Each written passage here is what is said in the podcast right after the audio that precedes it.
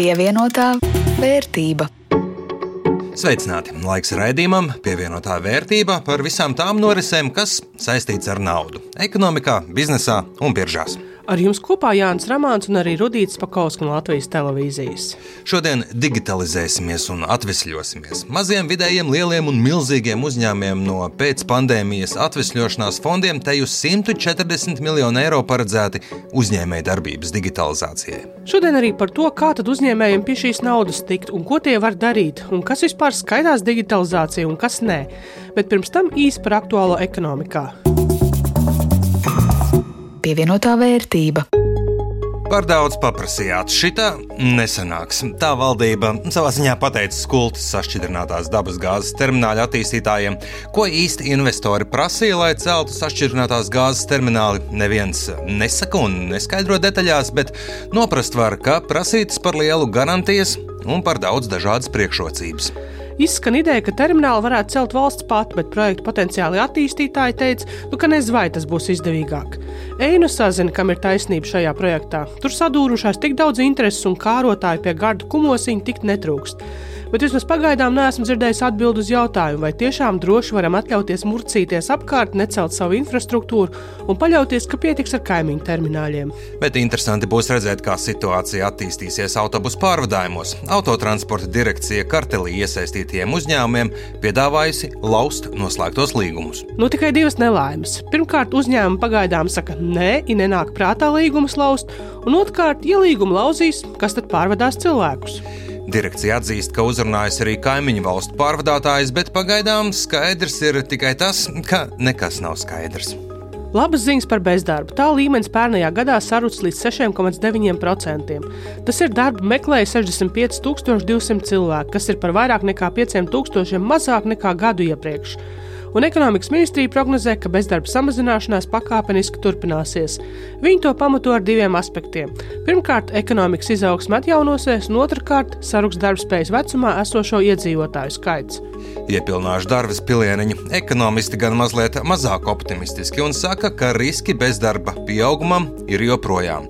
Eksporta tirgos situācija nav rožaina, arī minimālās algas kāpums liks daudziem uzņēmējiem skatīties uz nevis jaunu darbinieku meklēšanu, bet gan uz esošo efektīvāku izmantošanu.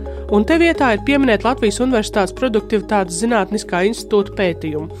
Pēdējos piecos gados darba spēka izmaksas Latvijā augušas trīs reizes straujāk nekā produktivitāte. Un tas nozīmē, ka Latvijas konkurētspēja Eiropā ir zema. Tā kā investīcija līmenis ir zems un īpaši maz ieguldām nemateriālajos aktīvos, tad pēc pētnieku domām produktivitāte augs lēnām un valsts konkurētspēja mazināsies. Pievienotā vērtība. Turpinājumā par solīto atvesļošanās fondu naudu digitalizācijai. Zinu, ka ir uzņēmumi, kuri šo solīto naudu, jeb atbalstu, gaida jau sen un iespējams atlikuši kādus savus uzņēmumu attīstības plānus, lai tos ieviestu un īstenot tad, kad būs atbalsts un līdz ar to pašiem sanāktu lētāk un ietaupīt. Un gan jau ka ir vērts gaidīt, jo Eiropas jeb atvesļošanas fonds turpmākajos 3,5 gados dod teju 140 miljonus eiro uzņēmējdarbības digitālajai transformācijai transformācijai. Pirms dienām piecām pirmajām trim atbalsta programmām teju 100 miljonu eiro vērtībā tika dota zaļā gaisma. Un programmas atklājot, ekonomikas ministra Ilza Indriksona uzsvēra, ka šī ir iespēja mainīt to, ka esam lēta darba spēka un lētu resursu ekonomika. Mums ir tāda industriālā, kā saka, plāna politika un plāns un mērķis sasniegt liels un augsts eksporta rādītājs, bet, kad mēs apskatāmies uz produktivitāti, kura ir ļoti saistīta ar digitalizāciju un ar iespējām, Publiskajā sektorā mēs esam ļoti labi izskatāmies. Mēs esam 11. Eiropas Savienībā, bet, diemžēl, uzņēmēju sadaļā par digitalizāciju runājot, mēs esam, ja nemaldos, 23.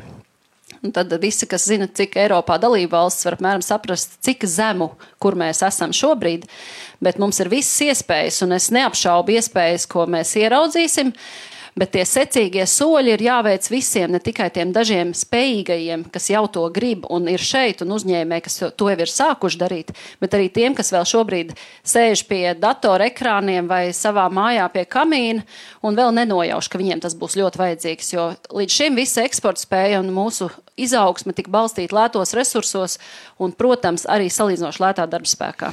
Ministra arī papildina, ka pie mums vidēji viena darba stunda maksā 11 eiro, kamēr vidēji Eiropā tie ir 29 eiro stundā. Šobrīd praktiski jebkāda izmēra uzņēmums piedāvātajās programmās var atrast ko sev, ja vien ir vēlme ko uzlabot un digitalizēt. No maza uzņēmēja līdz pat lielam uzņēmējam es gribu iedrošināt un teikt, ka receptes ir sataisītas dažne dažādas, atbalsta instrumenti ir ļoti atšķirīgi.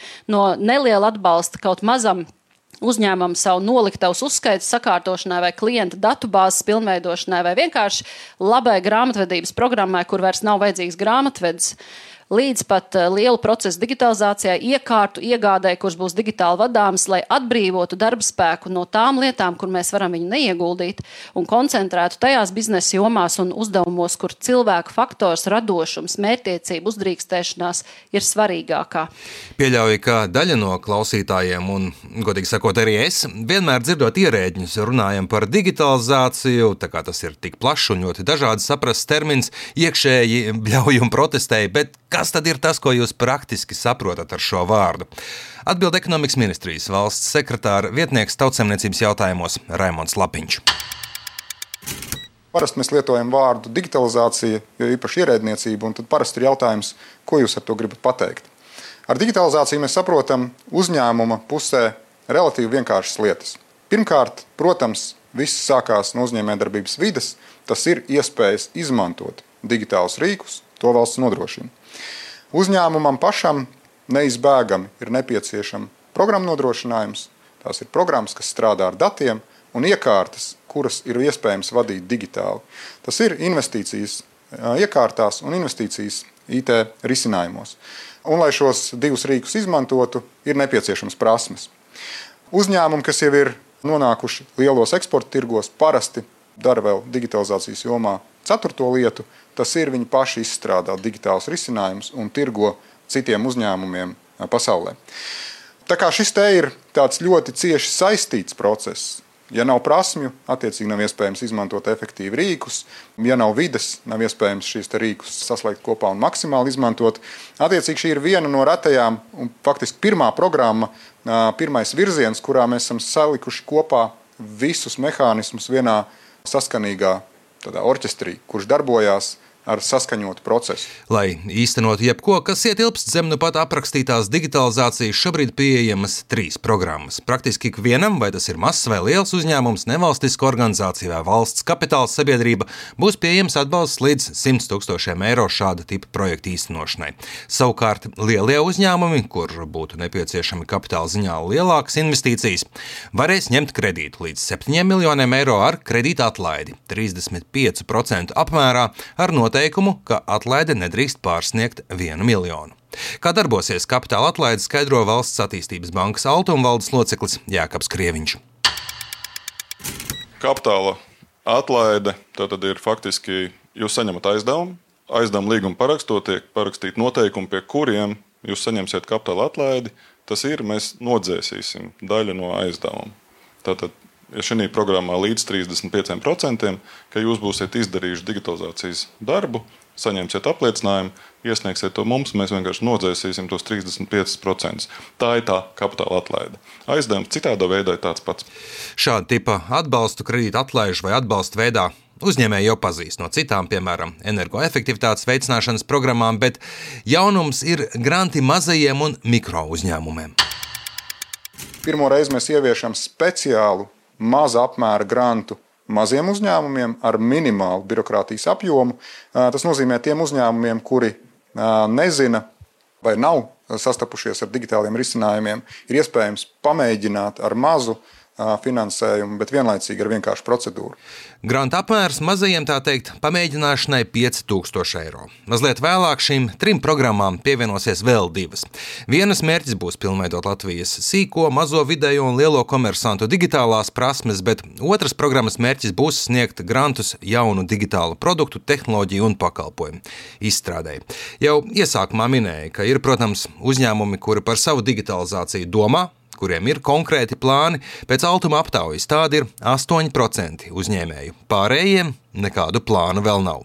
Tie 8% paši atnāks un programmas atradīs un tās izmantos un iespējams jau gaida, bet, lai palīdzētu pārējiem saprast, kā viņi var savu biznesu uzlabot un attīstīt, palīdzēs Eiropas digitālās inovācijas centri.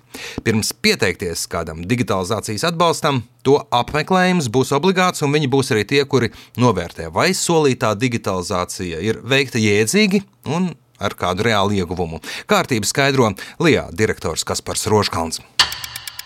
Kad uh, izdzird teiksim, vārdus, mākoņu skaitļošanu, izdzird vārdus, tur uh, mākslīgais intelekts, un tad viss nobīstās. Nē, no tā nav jābīstās. Tas īstenībā beigās ir ļoti vienkārši, un, un tur ir nāk šie digitālai inovāciju centri, kuri vienkāršā valodā izstāstīs, kas tad ir jādara. Tad, tam, kad ir tā iegūta tā digitālā ceļa karte, tad jānāk uz biznesa GoLV Tur ir eh, jāpiesakās atbalstam, tad jānoslēdz līgums. Tālāk jāveic aktivitātes, eh, pēc tam eh, jāiet atpakaļ uz šiem digitalizācijas inovāciju centriem. Jāsaņem atbildi, ka jā, ja veiktās darbības ir patiesas un tā digitalizācijas ietekme ir. Un tad jānāk atkal pie LIBā, un mēs varēsim nu, grantu veidā to atmaksāt tās aktivitātes. Un tas ir tas svarīgākais. Līdz ar to mēs ejam, sākumā konsultējamies, noskaidrojam, kas ir jādara saprot uzņēmums līdz kaulam, kā viņš no tā iegūs. Tad nāk pie LIBā, slēdzam līgumu, veids aktivitātes, tad viss ir izdarījis, pārbauda, ka viss ir izdarīts. Un, uh, un tad uh, saņem atpakaļ naudu. Mēs esam tie, kuri redz, ka tā digitalizācija uzņēmējdarbībā ir viens no iemesliem, kāpēc Latvija ekonomiskajā izaugsmē atpaliek no dažām valstīm. Reizēm tur arī par kaimiņu valstīm iet runa. Un šis ir tas ceļš, kā viņus noķert un varbūt arī apsteigt pievienotā vērtība. Es pareizi saprotu, ka, lai kāda arī būtu digitalizācijas atbalsta programma, visām ir viens kopīgais - Eiropas Digitālās Innovācijas centrs. Jā, šie centri izsniegs un sagatavos digitalizācijas ceļu kartes uzņēmumiem, kas arī būs pamats tam, lai varētu pieteikties atbalstam. Latvijā šādu digitālo inovāciju centru un reģionālo kontaktpunktu izveidēji atvēlēti 10 miljoni eiro. Tātad, ja es jau zinu, ko gribu digitalizēt, aiznesu parādu, apstiprinu un uz priekšu. Bet, ja man nav ne jausmas, ko es gribu, a, ko man vispār vajag, un ja man vispār šķiet, ka digitalizācija tas uz mani neatiecas, Ļoti labs jautājums. Apmēram ar tādu arī devos pie Latvijas informāciju tehnoloģiju klāstera izpildu direktores Aigas Irmējas, kur ir atbildīga par šo digitālo inovāciju centru un reģionālo kontaktpunktu darbību tie uzņēmēji, kuri patiešām zina, ko viņi grib, nu, ar tiem ir, protams, visvieglāk strādāt. Viņi atnāk, viņi izstāsta savu, savus mērķus, savas vēlmes, un uh, mēs kopā uz to paskatāmies. Uh, viņi izpilda digitālā brietuma testu, un mēs iedodam to saucamo uh, digitālās attīstības ceļa karti, kas ir dokuments uh, pietiekami vienkāršs, ar kuru uh, uzņēmums var doties pēc atbalsta pie Lijā vai pie Altuma. Ja pie mums atnāk uzņēmēji, kuri saka, ka gribam kaut ko darīt, bet īsti nesaprotam, kā, īsti nesaprotam, no kuras puses tam visam ķerties klāt un kā tas ietekmēs varbūt arī citus procesus, tad, tad mēs piedāvājam saucamās mācības. Mums ir izveidots mācību modulis trīs dienas ar tādu nedēļu starplaiku. Mēs to saucam par kickstart mācībām, tātad, kurās uzņēmums pats strādā ar saviem biznesa procesiem, jo neviens labāk par pašu uzņēmumu nepārzina savu biznesu, neviens labāk par viņu pašu nenodefinēs savus mērķus, ko darīt. Mēs vienkārši palīdzam paskatīties uz savu biznesu, nosacīt drusciņu no malas un iedodam ieskatu un iedvesmu, kā to visu var ar tehnoloģiju palīdzību padarīt efektīvāku. Un šo mācību beigās uzņēmumam top skaidrs, ko viņš darīs vispirms, ko viņš darīs pēc tam, un kā tas ietekmēs viņu biznesu, un kā viņš tālāk var virzīties jau uz tādu izaugsmu. Restīvi, viņam tiek radīta tā ceļa karte. Ja? Ja, ja viņš zina, ko tas ir vienkāršāk, ja viņš nezina, ko tad jūs palīdzat vismaz iegūt tās zināšanas. Jā, nu nosacīti viņam tiek mainīts, nu, kā saka, angliski mindsets mainīts. Ja? Tā tad viņš saprot, kā tās tehnoloģijas patiešām palīdzēs viņam. Un kas ir tās lietas, kas viņam ir jāizdara vispirms? Un pēc tam nākamā, un tad nākamā. Jā, nu, sauksim to par ceļu karti. Jā, nu, nebūs tā, ka uh, es redzēju, ka kaimiņš tur salika tos saules paneļus un kaut kādu gudro vadības sistēmu, kurā viņš uzskaita, cik nostrādā darbinieki. Man arī lūdzu to pašu. nu, protams, ir ļoti labi, ja mēs iedvesmojamies no labiem piemēriem, kas mums ir apkārt. Un, protams, ka uh, jaunu velosipēdu izgudrot arī nevienmēr ir vajadzīgs. Bet katrs, protams, katrs bizness ir atšķirīgs un katram ir savi viņa paša biznesa mērķi, kā viņš vēlas veidot savu, savu uzņēmējdarbību, kā viņš vēlas, kā viņš redz savu izaugsmi. Tā ka, protams, ka tur atšķirsies nianses. Kāds ir tas jā, jūsu redzējums? Jūs teiksim, iesiet un proaktīvi uzrunāsiet uzņēmējus, nākat pie mums, ja jūs gaidīsiet, ka viņi atnāk pie jums. Jo es pieļauju, ka tie, kuri uzskata, ka viņiem iespējams nu, to digitalizāciju nevajag, un ja, ja dzīve piespiedīs, nu, tad darīšu. Bet šobrīd man ir labi, kā ir. Man viss uz lapām ir, un mēs esam maziņi. Un nekas. nu, tā pirmā grupa jau pavilks to otro. Protams, ka mēs šobrīd strādājam ar tiem, tiem uzņēmējiem, kas ir jau, jau atnākuši un jau izteikuši vēlmi darīt kaut ko, un jau ir izteikuši vēlmi pieteikties, un kuriem jau ir savi jau projekti padomā, ko viņi vēlas realizēt. Nu, šie labie piemēri, esmu pārliecināta, ka veicinās un dos arī iedvesmu arī pārējiem no, no nozares uzņēmumiem ar, arī doties un darīt kaut ko. Ja. Protams, ka mēs arī, arī proaktīvi uzrunāsim un informēsim, un tāpēc arī mums ir šie reģionālie kontaktpunkti, lai arī nokļūtu arī, arī geogrāfiski tuvāk tam uzņēmējam. Kas tam uzņēmējiem pirms tam būtu jādara, jāpadomā, jāsaprot pašam, pies, pirms viņš nāk pie jums, ja, ja labā nāk kā balta lapa? Viņš, protams, var nākt arī kā balta lapa, tomēr tas mans ieteikums ir padomāt par savu biznesu. Atkal mēs atgriežamies pie tā, ka digitalizācija tā ir biznesa funkcija, tā nav IT funkcija. Un, uh, katram ir jāsaprot, ko viņš vēlas savā biznesā panākt. Varbūt tās paskatīties, uh, varbūt nedaudz no malas, nu, kuras ir tās manas vājās vietas, ko vajag uzlabot, kurās, kuros no procesiem man ir vislielākie zaudējumi. Nu, un ar zaudējumiem saprotot laiku, izmaksas, varbūt kur visvairāk darbinieku trūkst, varbūt tās, kur visvairāk aizķeršanās vai brāķis rodās.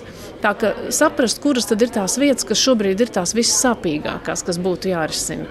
Vai tas varbūt tās būtu pārāk liels elektroenerģijas patēriņš vai vispār energoresursu patēriņš, tā ka arī tās var risināt. Jā, un es skatos, ka viena no programmām bija no, šeit bija no Lijā, tie voucheri, puses 5000 mikro un pavisam maziem uzņēmumiem. Ko jūs redzat, ko pat tiem, pie tiem 5000 maz uzņēmumus var, var izdarīt? Nu, nezinu, varbūt kaut kādus nu, piemērus. 5000 grants, kas ir paredzēts maziem un mikro uzņēmumiem, e, to mēs vairāk redzam kā tiešām sakārtojot pamatprocesus un sparot šo pirmo soli digitalizācijai. No pieredzes mēs redzam, ka visbiežāk uzņēmumi izvēlās iet pārdošanas virzienā, tātad digitalizēt savu pārdošanas procesu, vai arī tiksim, tik, mājaslapu, mājaslapu izveidu. Starp citu, ļoti daudziem uzņēmumiem nav aizvien mājaslapas, e-komercijas platformas, vai arī vienkārši saprast, kādā veidā es varu tirgot saka, tirgot internetā. ja? Klientu vadības sistēmas nelielas, nelieliem uzņēmumiem piemērotas un tā tālāk. Tātad sakārtot pamatprocesus, Pārdošanas risinājumi ir tie risinājumi, kuros uzņēmums visātrāk ierauga to rezultātu un ierauga to labumu.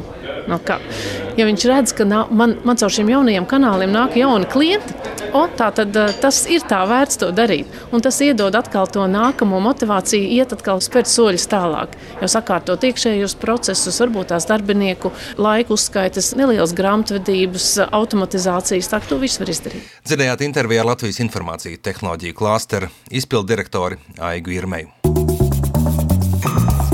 pievienotā vērtība. Bet raidījuma noslēgumā tradicionāli par to, kas notiek Baltijas biržās.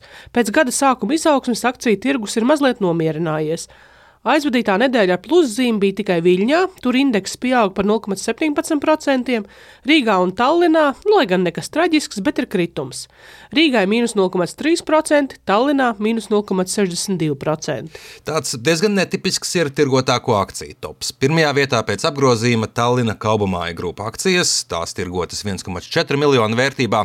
Otrajā vietā Igaunijas finanšu grupa LHV grupa, apgrozījums nedaudz virs 1 miljonu eiro un akcijas cenai kritums par nepilniem 2%. Trešā tirgotākā akcija, kur līdz šim manā personīgajā portfelī ir izdarījusi daudz laba, Igaunijas bankas kūpanka akcijas, apgrozījums 850 tūkstoši eiro, bet vērtības kritums 5%. Au! Bet no Latvijas uzņēmumiem vislielākais apgrozījums ir augsto tehnoloģiju uzņēmumu Hanza Matrix akcijām, kuras ir arī manā portfelī. Un ir diezgan netipiski tās redzēt starp līderiem. Parasti tā nav. Apgrozījums 750 tūkstoši eiro, 850 darījumu un cenai kāpums nedēļas laikā par 8,18%. Jā, tur ir arī savs iemesls. Ja EMSCO plāno iegādāties vismaz 75% Hansa Matrix balstiesīgo akciju, un gadījumā, ja brīvprātīgais akciju atpirkšanas piedāvājums būs veiksmīgs, SIA EMSCO plāno ierosināt Hansa Matrix izslēgšanu no regulētā tirgus. EMSCO piedāvā 8,50 eiro par akciju. Šobrīd biržā tā maksā 8,20. Nu, jā, un ņemot to visu vērā, man ir visai labs priekšnojauts par to, ka beidzot varētu būt mainījies mūsu ieguldījumu sacensību līderis. Bet nu pastāst pirmais, kā iet taviem ieguldījumiem? Man, salīdzinot ar nedēļu iepriekš, ir par 5 eiro mazāk, un saskaitot kopā gan to, kas stāv neieguldīts, un to, kas uzņēmumu akcijās, vērtība ir 476,66 eiro. Nu ko, beidzot ballīt manā ielā. Mana portfeļa vērtība - 484,93 eiro. Vēl eiro 75 neieguldīti. Pārņemu līderu dzelteno krekliņu pievienotā vērtība.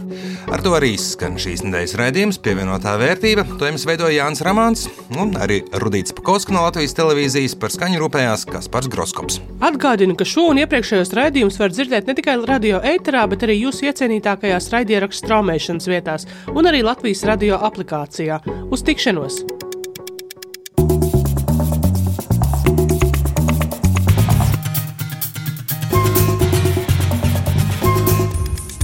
Pievienotā vērtība.